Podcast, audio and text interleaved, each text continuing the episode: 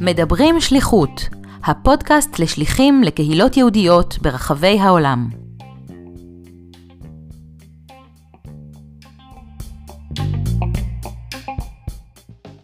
שלום למאזינים, כאן דוקטור אסי אהרונוב. בפודקאסט מדברים שליחות, אנו שמחים לראיין שליחות ושליחים ששימשו בקהילות יהודיות ברחבי העולם. באמצעות הראיונות אנו שומעים מהם על החוויות, האתגרים והפעילויות המיוחדות שיזמו. השליחים משתפים גם בטיפים חשובים על סמך ניסיונם. לא פחות חשוב לשמוע אילו מיומנויות הם רכשו בשליחות ופרספקטיבות חדשות עימן הם חוזרים ארצה. בחודשים האחרונים אנו גם מראיינים שליחים שפעלו או שעדיין פועלים בתקופת הקורונה. בראיונות אלו תוכלו לשמוע כיצד השליחים המציאו את עצמם מחדש. כמי שהיה מעורב בתחום השליחות מזוויות שונות, אני מקווה שגם אתם, כמוני, תמצאו עניין רב במה שיש לשליחים לספר. בפרק הנוכחי אנו שמחים לראיין את דניאלה ונועם גליקסמן. דניאלה ונועם שימשו כשליחים בדלאוור, ארצות הברית, בין השנים 2018 ל-2020. לדניאלה היה ברור במשך שנים שתצא לשליחות ארוכה. כשהכירה את נועם, הדביקה אותו ברעיון, ויחד הם יצאו למדינת דלאוור שבארצות הברית. נועם שימש כשליח עמיתי ישראל לאוניברסיטת דלאוור, ודניאלה עבדה כשליחה קהילתית תחת הפדרציה המקומית. החוויה המרכזית בשליחותם הייתה נישואיהם בקהילה. מתכנון של חתונה צנועה, הפך האירוע להפקה מטורפת כהגדרתם, שאיחד את כל הזרמים ורבני כל הקהילות. ברור להם שהאירוע ייחרט בתולדות הקהילה, וכמובן יישזר בחוויה הזוגית שלהם. כשליחים בקהילה הם נוכחו מקרוב בתמיכת חברי קהילה ומנהיגיה בג'ו ביידן ובפוליטיקאים נוספים מדלאוור ובתמיכתם הגדולה בישראל. הם משתפים בערך המוסף של היותם זוג שליחים וכן בניסיונם בעבודה בימי קורונה שהחלה בשלהי שליחותם, כגון הכנת מופלטות בזום והכנת סרטונים בטיקטוק. הפרק הנוכחי הינו חלקו הראשון של הראיון שערכנו עמם. אודה אם תאזינו עד סוף הפרק, בו אני מעלה בקשה אישית. דניאלה ונועם גליקסמן, אה, שלום ותודה רבה שאתם מצטרפים לפודקאסט מדברים שליחות. אה, אה, אתם הייתם שליחים בדלאוור, במדינת דלאוור בארצות הברית, למשך שנתיים, בין 2018 ל-2020. בעצם עוד חוויתם גם תקופת הקורונה, והייתם שליחים גם של עמיתי ישראל וגם, וגם שליחים קהילתיים, עוד מעט תרחיבו על זה. ואני אשמח אם קצת תספרו רקע על עצמכם, כל אחד, שניכם ביחד, איך, ש, איך שתרגישו בנוח. מעולה, תודה אסי, אנחנו שמחים להיות כאן איתך ולהתראיין לפודקאסט. אז uh, באמת uh, אני אתחיל ולספר קצת על עצמי ועל הרקע שלי. מגיל מאוד מאוד צעיר, לקחתי חלק בכל מיני משלחות בבית ספר, פשוט הייתי בת נוער מאוד מאוד פעילה, וככה בעצם הבנתי שמעניין אותי מאוד המפגש הזה עם תרבויות שונות ואנשים ממקומות שונים. והעבודה, התפקיד הפורמלי הראשון שלקחתי בעצם עם אה, קהלים בינלאומיים היה בשירות הצבאי שלי, שירתתי כמדריכת שראל, שזאת אה, יחידה מאוד מיוחדת אה, שנמצאת בחיל הלוגיסטיקה, בעצם עבדתי עם, הדרכתי מתנדבים מכל העולם שהגיעו מכל מיני מדינות לפרק זמן קצר להתנדב בצבא. Mm-hmm. וככה בעצם הבנתי ש... שיש לי פשן, יש לי פשן לכל העניין הזה של אה, עבודה עם אנשים מכל העולם. ואני זוכרת שאחרי שהשתחררתי, אני הלכתי לכנס, ממש לפני השחרור, הלכתי לכנס משתחררים, ושם הייתה, היה דוכן של שליחות מחנות קיץ של הסוכנות. ואני כבר ידעתי שאני את השליחות הארוכה רוצה לעשות, מה מחנות קיץ, וככה קראו לי ועניינו אותי ואמרו לי מחנות קיץ, אמרתי בסדר, אני רק אשאיר פרטים, ובעצם תמיד בראש הייתה לי את המחשבה שהשליחות הארוכה זה החלום. ומפה לשם התמיינתי והתקבלתי גם למחנות קיץ, אז אה, זה ככה היה... היה על הדרך. כן, זה היה על הדרך, אבל אה, מדברים הרבה על החיידק, על החיידק השליחותי, ו...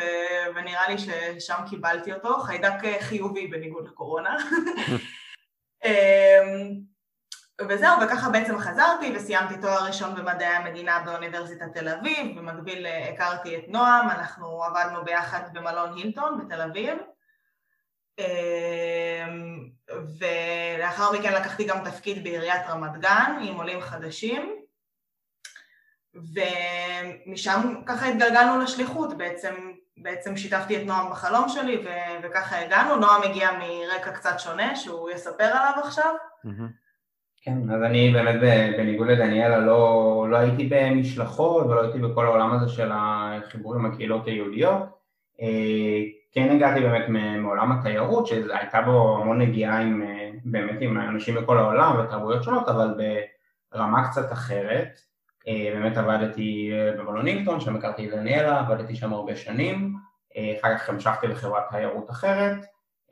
וכל הזמן הרגשתי שאני רוצה משהו שהוא מעבר, משהו באמת עם איזשהו, איזושהי השפעה מעבר רק לענייני תיירות וכסף, איזה באמת משהו עם משהו מעבר לעצמי ושאני אוכל לתת פה גם יותר. ובאמת כשדניאלה באה עם הרעיון הזה של השליחות הארוכה אה, אמרתי לעצמי, נכון אני לא בא מהמקום הזה אבל אה, אני מוכן לנסות.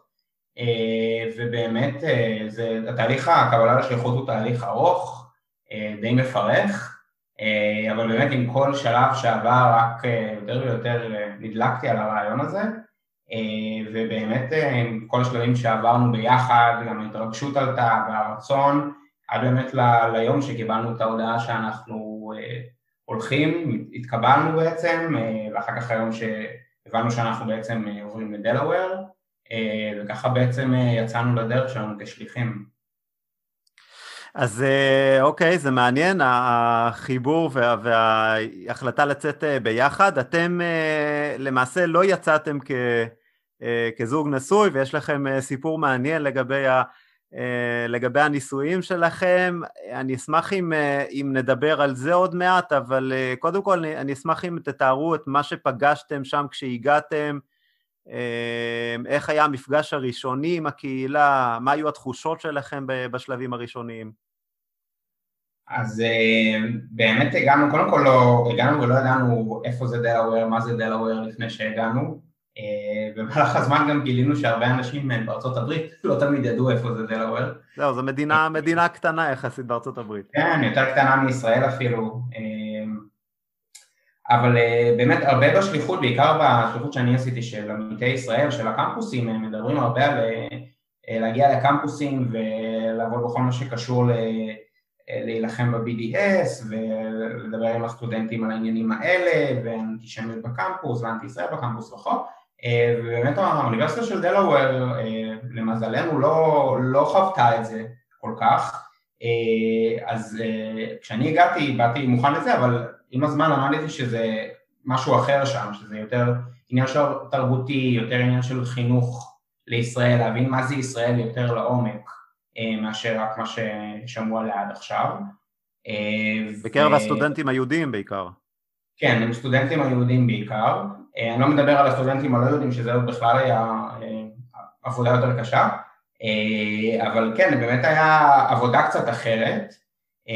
אני בעצמי גם פתחתי את השליחות של הקמפוסים שם בדלוור, לא היה שליח קמפוסים לפני, כך שלא, באמת לא באתי במקום שיש לי איזשהו רקע שאני יכול להתבסס עליו ומה עובד, מה לא עובד, וזה היה המון ניסוי וטעייה.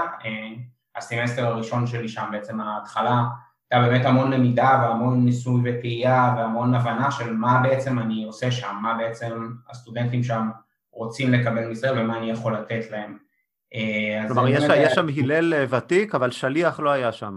כן, בדיוק. ההלל הוא כבר באמת הרבה זמן, והוא חזק אה, בקהילה היהודית שבקמפוס, שהיא בעצם כ-10% מהאוכלוסייה הכללית של הקמפוס. מדובר על אלפיים ומשהו סטודנטים מתוך אזור ה-20 אלף בכל הקמפוס, אלפיים ומשהו סטודנטים יהודים, יש גם בית חב"ד בקמפוס, סגל יהודי שמעודד את הסטודנטים היהודים כן לבוא ולהיות חלק מהקהילה, אבל באמת לא היה להם שליח עד שאני הגעתי, וזה הביא איתו גם אתגרים אבל גם המון המון הזדמנויות מדהימות. לעשות הרבה דברים.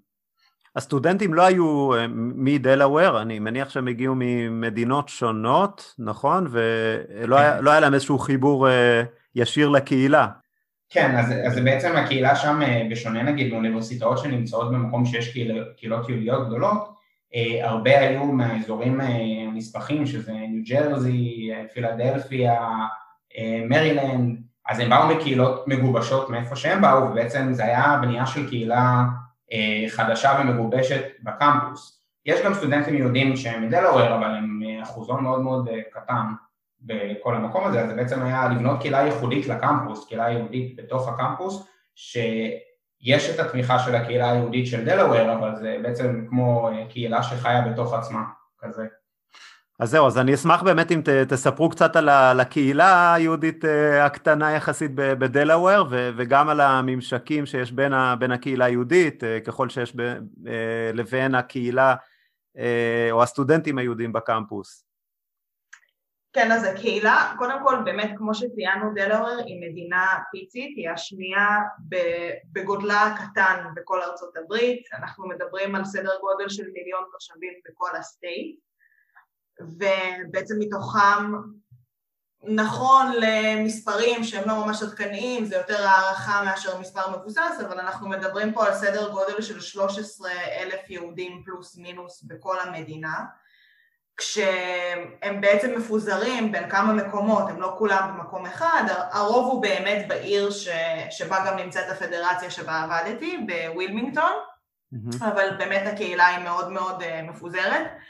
ככה שאין אין, אה, אין איזושהי תחושה של שטטל במרכאות נקרא לזה, זה באמת קהילה שהיא מאוד מאוד אה, ככה מוטמעת בחברה המקומית ו, וככה פשוט אה, חלק, אם אתה לא מגיע לבית כנסת או לאיזשהו מרכז יהודי אתה בעצם לא מרגיש, אין, אין למשל Jewish delis ואין לא יודעת, כל מיני דברים כאלה, כמו שיש, נמצא במקומות כמו ניו יורק או פילדלפיה, שזה באמת הערים הגדולות. Uh, עכשיו, אני הייתי השליחה בפדרציה, זה אומר שאני למעשה עבדתי ביחד עם כל ה... בניגוד לנועם שעבד באמת רק והתמקד בהלל ובעבודה עם הסטודנטים, אני עבדתי עם כל הארגונים היהודיים שנמצאים במדינת דלוור, שזה כלל שבעה בתי כנסת של זרמים שונים ששוב, כאמור מפוזרים לאורך כל המדינה, וזה כלל uh, חמש beneficiary agencies, שזה סוכנויות, uh, ארגונים שנמצאים בעצם תחת גג ותמיכתה של הפדרציה. אגב, הפדרציה עצמה היא רעיון ש... שככה למדתי לעומק באמת בשליחות, כי אין לנו משהו מקביל לזה כאן בישראל, זאת אומרת הצורך בהתארגנות יהודית באופן טבעי במדינה יהודית לא קיים, אין לנו את הצורך הזה, אבל ב, mm-hmm. ב, בארצות הברית באמת יש פדרציה שהיא מאגדת את כלל השירותים החברתיים והכלכליים והרוחניים והדתיים באמת עבור הקהילה היהודית, ולתוך המסגרת הזאת נכנסתי כשהמטרה הברורה שלי הייתה... גם את הקשר עם ישראל, נכון? בדיוק, בדיוק. אני, אני הפנים של ישראל בתוך כל הסיפור הזה, ואיך אני מתאימה את ישראל לבית הספר היהודי אל מול ה-JCC, אל מול בית האבות או בית הכנסת הקונסרבטיבי או בית הכנסת הרפורמי וכולי. זאת אומרת, לכל אחד באמת יש גישה ותפיסת עולם שונה ו- וככה הייתי צריכה להיות קצת כמו זיקית ולכל אחד לספק uh, תוכן שונה. תוכלו גם אה, לספר על הממשקים או על החיבורים אה, ככל שהיו בין הקהילה לבין הסטודנטים אה, בקמפוס? בטח, נגיד קודם כל שהממשק הכי, נקרא לזה אקזוטי שהיה, זה בעצם שיש שני שליחים. בהרבה דברים שנעשו בקמפוס, דניאלה הגיעה, והרבה דברים שנעשו בקהילה, אני הגעתי, ובעצם זה גרם לאיזשהו חיבור אוטומטי בין, ה... אה, שוב זה לא קהילות נפרדות אבל בין שתי הקהילות שהן כאילו נפרדות.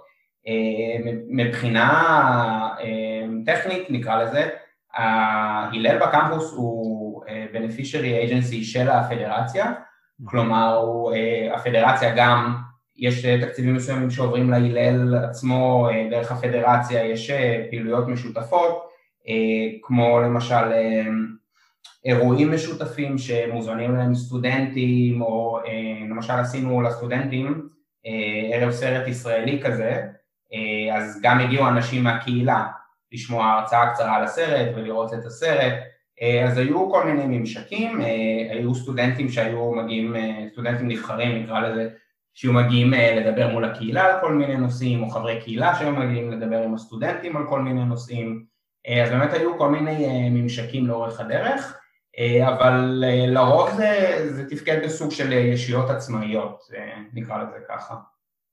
אז הקהילה, הקהילה בדלאוור למרות, למרות הגודל שלה עלתה, המדינה עלתה קצת לכותרות לאחרונה עם המיקום של, של הנשיא הנבחר ביידן שמגיע משם. אתם יכולים קצת לתאר את המאפיינים של הקהילה היהודית, מה, כלומר בכל, בכל קהילה יש יש תחומי תעסוקה שונים וכולי, מה, מה מאפיין את, את אנשי הקהילה היהודית בעיקר בדלאוור? אז באמת כאמור, אנחנו הרגשנו את זה ממש בגלל שזה היה שנתיים לפני הבחירות, באמת העניין של הלובי הפוליטי ובעיקר הלובי הפרו-ישראלי זה באמת משהו שמאוד מאוד חזק בקהילה שלנו והיה אפשר לראות את זה בעיקר סביב שדולת אייפאק אני יכולה להגיד שהתורמים הכי גדולים לקמפיין של אה, אובמה וביידן הם חברי הקהילה בדלאוור, הם גם תורמים מאוד מאוד נכבדים של הפדרציה. חברי ו... הקהילה היהודית. כן, כן, חברי קהילה יהודית, אה, וקודם כל זה מדהים לראות את זה בתור שליחים, להיחשף למקום הזה ובאמת להשפעה הזאת ולהירתמות הזאת למטרות שהן פרו-ישראליות, זאת קהילה שמאוד מאוד חשוב לישראל, מאוד מאוד מעניין אותה להשפיע, וגם אה, מה שמיוחד שבגלל שזאת מדינה כל כך קטנה, אז אה, חברי הקונגרס והסנטורים הם באמת אה, מאוד מאוד קשובים לרכשי הקהילה, מה שנקרא, והמון מבכירי הקהילה מנהלים מערכת יחסים, באמת הם חברים של, ה... של הנציגים שלהם בקפיטול של דלאוור, ממש נפגשים לארוחות ערב והם מגיעים לאירועים של הקהילה כל הזמן. אמ, למשל כשהיה את, ה... את הרצח הנורא בבית הכנסת בפיטסבורג, אז אה, עשינו, הקהילה ארגנה אירוע הזדהות, אמ, אירוע אזכרה כזה, והגיעו הנציגים של דלאוור בקונגרס, הגיעו לדבר ולשאת דברים, וזה מראה רק עד כמה הקהילה מחוברת למה שקורה בוושינגטון, וההפך, עד כמה הם באמת קשובים למה שקורה בקהילה. אז uh, בהערה צדדית אני יכולה להגיד שהמון uh, המון חוששים ככה, מה תהיה מערכת יחסים של ג'ו ביידן עם ישראל ואיך הוא יגיב, אז אני תמיד אומרת ממקור ראשון, אני, אני מכירה את האנשים מתוך הקהילה שבאמת מתווכים את הנושא של ישראל בצורה כל כך חיובית, לנציגים של דלוור, ביניהם כיום ג'ו ביידן שהוא הנשיא, שאני אישית אה, באמת לא דואגת, כי אני חושבת שהקהילה הזאת היא מאוד פרו-ישראלית ומאוד יש לה השפעה. אז, אה, אז זה, זה באמת ככה מאפיין מאוד, מאוד ייחודי של הקהילה בעיניי. Mm-hmm. מעבר לזה, אני באמת חושבת שזה המאפיין הנורא, ככה צבע מאוד מאוד חזק של הקהילה. כמובן שדברים אה, של ענייני יומיום, אה, בית כנסת ואיך אה, הרבה מחברי קהילה, אני חושבת שזאת תופעה מאוד רחבה, לא רק בדלוור אלא בכלל, מגיעים לבתי הכנסת בעיקר סביב החגים ולא ממש פעילים במהלך השנה הרגילה, אז כמובן שהם מתעסקים המון באתגרים של איך להביא יותר צעירים ש... שיהיו בקשר עם בתי הכנסת וישתתפו יותר בפעילויות של הפדרציה. אה, זה גם ככה משהו שמאוד מאוד העסיק את הקהילה. דיברת על הצורך בהתאמה של המסרים על אה, ישראל והחיבור של ישראל לקהילה ולארגונים השונים, השונים בתי הספר השונים. אה, אני אשמח אם תתארי קצת את הפעילויות שלך, את שגרת העבודה, איך בכלל הגדרת או שהגדרת יחד עם הפדרציה את המטרות שלך. אז המטרה שהביאו לי הייתה מטרה מאוד מאוד כללית, אמ, תהי מה שנקרא living bridge, תהיי הגשר בין ישראל לקהילה וקחי את זה לאן שאת רוצה ואיך שאת רוצה. אני יכולה להגיד שבגלל שזאת פדרציה קטנה קיבלתי באמת המון אחראויות שהן ככה לא, לא שגרתיות, נקרא לזה ככה עבור שליח, למשל אני ניהלתי את ועדת ה-Israel and Overseas, שזה בדרך כלל אה, תענוג ששמור לשליחים בכירים, שליחי בינה, ואני זכיתי לנהל ועדה, אה, ובעצם להתוות איתם את כל האסטרטגיה של, זאת אומרת, אני הרגשתי כשהתחלתי את התפקיד שאני לא יכולה לבוא ולהגיד זה מה שהקהילה צריכה לקבל על ישראל, זה מה שיהיה הכי נכון, ככה נפעל. אני מאוד דגלתי בשיטה של בואו נשמע מה הקהילה חושבת, מה חברי הקהילה רוצים, מה מעניין אותם, בואו ננתח את מה שהיה עם שליחים קודמים, מה היו ההצלחות, ממה, מה היו האתגרים, ממה אפשר ללמוד, ובאמת אני ניסיתי להיות מאוד מאוד קשובה לצרכים שלהם ולרצונות שלהם, ובאמת ביחד בנינו תוכניות, בין, בין אם זה היה פסטיבל סרטים או תוכניות בישול שהיו הצלחה אדירה פשוט, אירועי בישול שהיו כאילו סולד אאוט פשוט, לא, לא יכלתי להכניס עוד אנשים. Mm-hmm. וגם באמת אה, עוד משהו ייחודי שהיה לי, בגלל שזה צוות קטן, זה העניין שקצת מתחבר לתשובה הקודמת של ה-engagement של ים גדול, שזה בעצם איך מביאים את ה...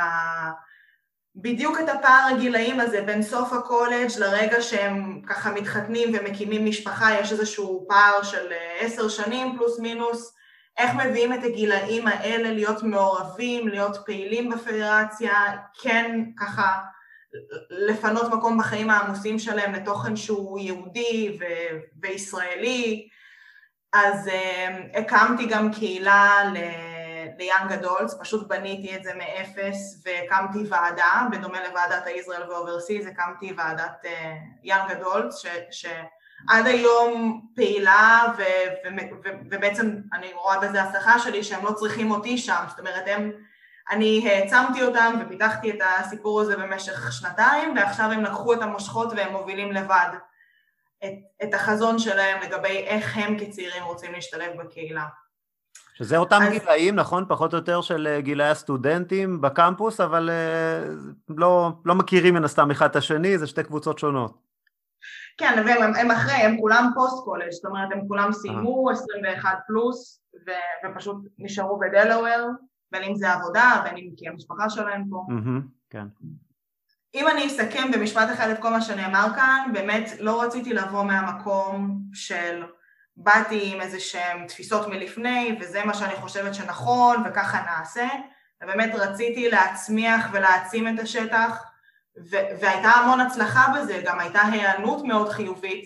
אני, אני מאמינה בכלל שכשמגיעים למקום חדש צריך לבוא בגישה של לא, לא לדבר, אלא לשמוע קודם כל, להבין, לראות מה קורה, להקשיב, להיות קשובים, ומתוך זה לבנות משהו שהוא בר קיימא, משהו שיימשך גם אחריי, כי mm-hmm. בסופו של דבר הקסם והחיסרון באותה נשימה של תפקיד השליח הוא שאתה מגיע, אתה, אתה משאיר איזשהו חותם, אתה עושה דברים, ואתה עוזב, אתה לא נשאר לראות את האימפקט. אתה יכול רק לשמוע אחר כך, אני, אני מקבלת מיילים, אני עוקבת ברשתות החברתיות מה קורה, אבל זה בעצם איך אני משאירה את החותם שלי בצורה כזאת שהוא יהיה אחריי, אה, אני אשאיר משהו שהוא, אה, שהוא טוב ו, ונשאר גם אחריי, ובעצם בשביל זה אני חושבת שחייבים לערב את חברי הקהילה ולשמוע מה דעתם. כן, זה, זה באמת uh, טיפ ומסר שהרבה מהשליחים uh, מספרים בתור, אה, בתור ככה הדבר המרכזי ש, ש, שנכון לנהוג לפיו. אה, נועם, תוכל לתאר את העבודה בקמפוס, איך כשליח חדש בקמפוס, איך הגדרת לעצמך את המטרות ואת היעדים, יחד עם הלל אני מניח, בעבודה שלך עם הסטודנטים? כן, לגמרי. אז כמו שדניאלה ציינה, זה היה באמת המון ללמוד מה הם צריכים שם.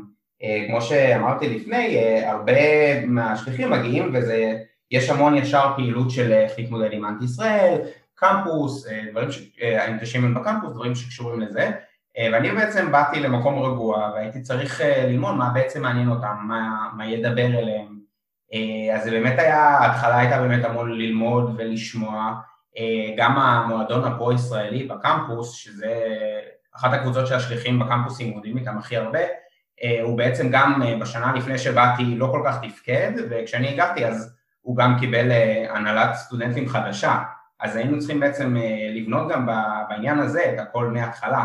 אה, ואני יכול להגיד שאומנם הקורונה קצת אה, השפיעה, אה, אבל גם עכשיו אני מדבר עדיין עם חלק מהסטודנטים ועוקב ברשתות החברתיות ואני רואה באמת שהשנתיים האלה והבנייה עדיין מניבים פירות, עדיין אנשים רוצים להיות בבורד של הקבוצה הזו, הם עדיין עושים פעילויות, שוב, במסגרות הקורונה, אבל באמת העבודה שלי הייתה בנייה יותר לעומק של הצד הפרו-ישראלי אצל הסטודנטים. אה, זה כלל אה, המון אה, פגישות אחד על אחד, המון אירועים, החל באמת ערב בישול ישראלי, דרך ערב סרט ישראלי, ועד אחד האירועים שהכי זכורים עד היום זה בעצם הבאנו את נבחרת הג'ודו של ישראל, אורי ששון, שגיא, פיטר פלצ'יק, הם באמת דיברו על, ה... על איך זה לייצג את ישראל בכל מיני מקומות כמו דובאי, שבזמנו, לפני שנתיים, עוד לא הייתה המקום שמקבל ישראלים כל כך, אה, עשו גם אה, תרגילי ג'ודו על הסטודנטים, שזה בכלל היה חוויה מטורפת. אה, כלומר, אתם ממש הבאתם אותם מישראל, או שהם היו באיזשהו סבב בארצות הברית? הם היו באיזשהו, הם הגיעו לארצות הברית למשהו מקצועי, ועל הדרך הם גם עשו איזשהו סבב בין הקמפוסים, אז באמת נדחפנו שם והבאנו אותם גם אלינו. אה, באמת אה, הייתה חוויה נהדרת. אה, אירועי יום העצמאות, גם ליום הזיכרון, כמובן יצאתי לכמה תגליות עם הסטודנטים, שזו בכלל חוויה מאירת עיניים לראות סטודנטים שמגיעים בפעם הראשונה לישראל, משהו שעד אז היה להם רק סיפורים או מההורים או דברים כאלה, אה, וזה באמת אה, שינה את הפרספקטיבה שלי על המקום של כמה ישראל היא צריכה ויכולה להיות חלק חשוב בחיים של אה, יהודים שלא חיים פה. זה באמת בעיקר הדברים שעשיתי שאני חושב שהשפיעו, וגם באמת, דניאלה גם ציינה את זה קודם, כנס אייפאק שהלכנו אליו ביחד עם משלחת סטודנטים, משלחת של הקהילה, היה באמת הזדמנות נהדרת לראות איך היהודים בארצות הברית, ישראל אה, זה משהו שנגיד אה, בדמם, אה, לא פעם בישראל שומעים איזושהי ביקורת על יהודי ארצות הברית, בעיקר הדמוקרטים שביניהם שישראל לא חשובה להם או שהם נגד ישראל וכו' וכו', ויצא לנו ללכת גם עם המשלחת של הסטודנטים וגם עם המשלחת הקהילתית לקונגרס, לשמוע אותם מדברים עם חברי הקונגרס על כמה חשוב שארצות הברית תעמוד לצד ישראל כלכלית, אה, רוחנית, אה, מדינית, אה, ובאמת ראינו קבוצה של אנשים שבארץ אולי חושבים שהם חושבים דברים לא טובים על ישראל, אבל באמת כמה ישראל חשובה להם וכמה הם עושים advocate למען ישראל במקומות שזה באמת באמת חשוב בהם, אז זו גם הייתה חוויה מאירת עיניים ובאמת חוויה מדהימה להיות חלק ממנה.